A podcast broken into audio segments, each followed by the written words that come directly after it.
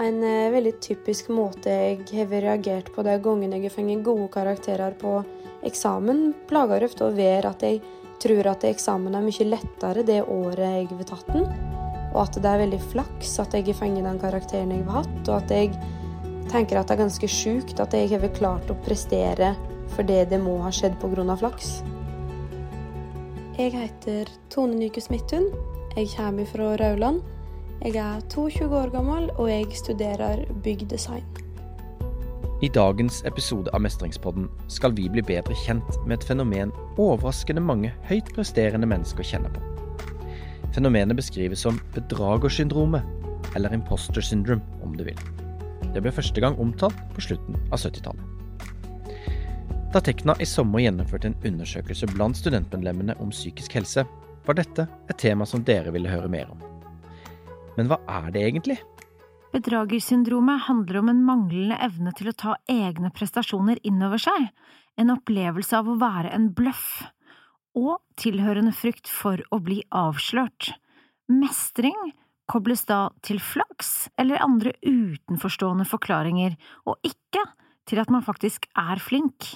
Jeg føler rett og slett at jeg faker meg til en ingeniørgrad som jeg ikke fortjener. La oss begynne med det første først. Er dette såkalte syndromet farlig, og er det mulig å gjøre noe med? Dette må ikke forveksles med en psykisk lidelse, og kan derfor heller betegnes som bedrageropplevelse, heller enn et syndrom, og det er absolutt mulig å gjøre noe med.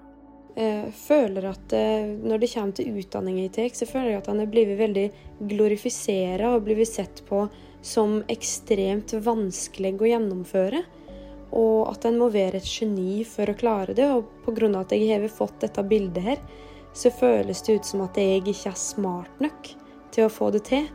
Så gjennom studieløpet så venter jeg på en måte bare på at det skulle bli vanskelig nok til at jeg er nødt til å droppe ut. Typiske kjennetegn ved bedragersyndromet kan være følelsen av å bli overvurdert av andre, undervurdering av egne prestasjoner, perfeksjonisme, overarbeid, frykt for å feile og vanskeligheter med å ta til seg ros.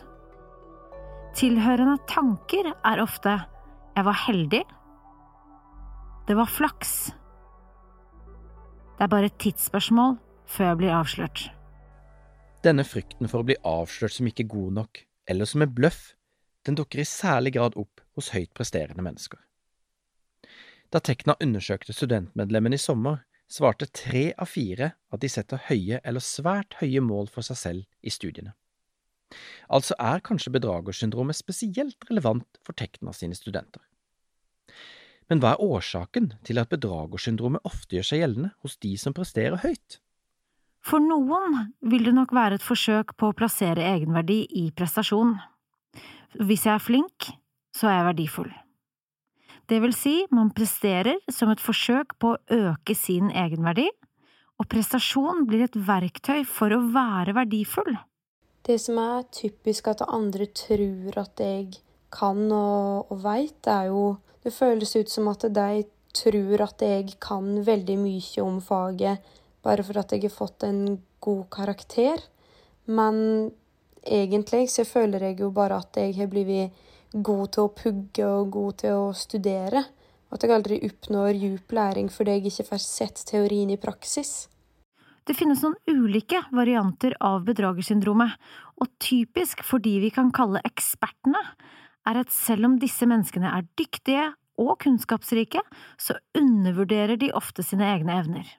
Det går også an å snakke om perfeksjonistene, som aldri blir fornøyd og alltid fokuserer på feil heller enn på sine styrker. De er aldri fornøyde og føler alltid at de kunne gjort ting bedre. Dette fører til høyt press på en selv og i ytterste konsekvens sterk angst. Hvis du kjenner deg igjen i dette, lurer du sikkert på hvordan du kan fokusere mindre på alt du ikke gjør bra nok, og heller stole mer på egne evner. Så hvordan gjør vi det? Karina Kahl har råd. Teknikker som kan bedre, er å stille spørsmålstegn ved egne tanker, skrive ned hva du er god på, og sammenligne det med måten du tenker om deg selv? Kanskje dette prosjektet trenger ikke å følges opp på en perfekt måte, og ta små steg? Og være oppmerksom på sammenligning og bruk av sosiale medier. Det forholdet jeg hever til imposter syndrome, eller såkalt bedragersyndromet, er jo at jeg hadde aldri hørt om det før vi snakka om det en dag. Og jeg kjente meg så ufattelig igjen i beskrivelsen av syndromet i seg sjøl. Og at jeg føler at veldig mange teknologistudenter og realfagsstudenter kan kjenne seg veldig igjen det.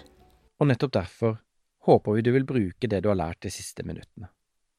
Test Karinas tips, og kjenn etter om du kan endre på måten du tenker om deg selv.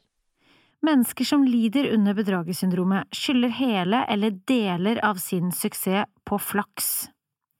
Hva hvis vi i stedet fokuserte på hvilket avtrykk vi ønsker å sette i verden, og leve i tråd med verdiene våre?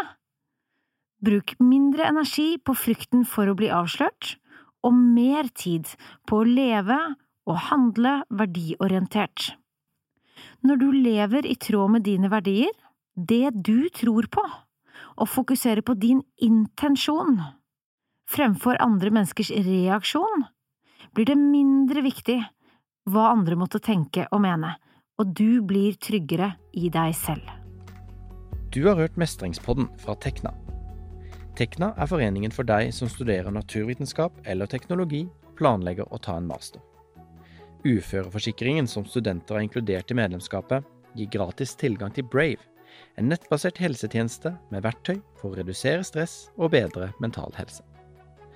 Les mer om medlemskap i Tekna på tekna.no slash student.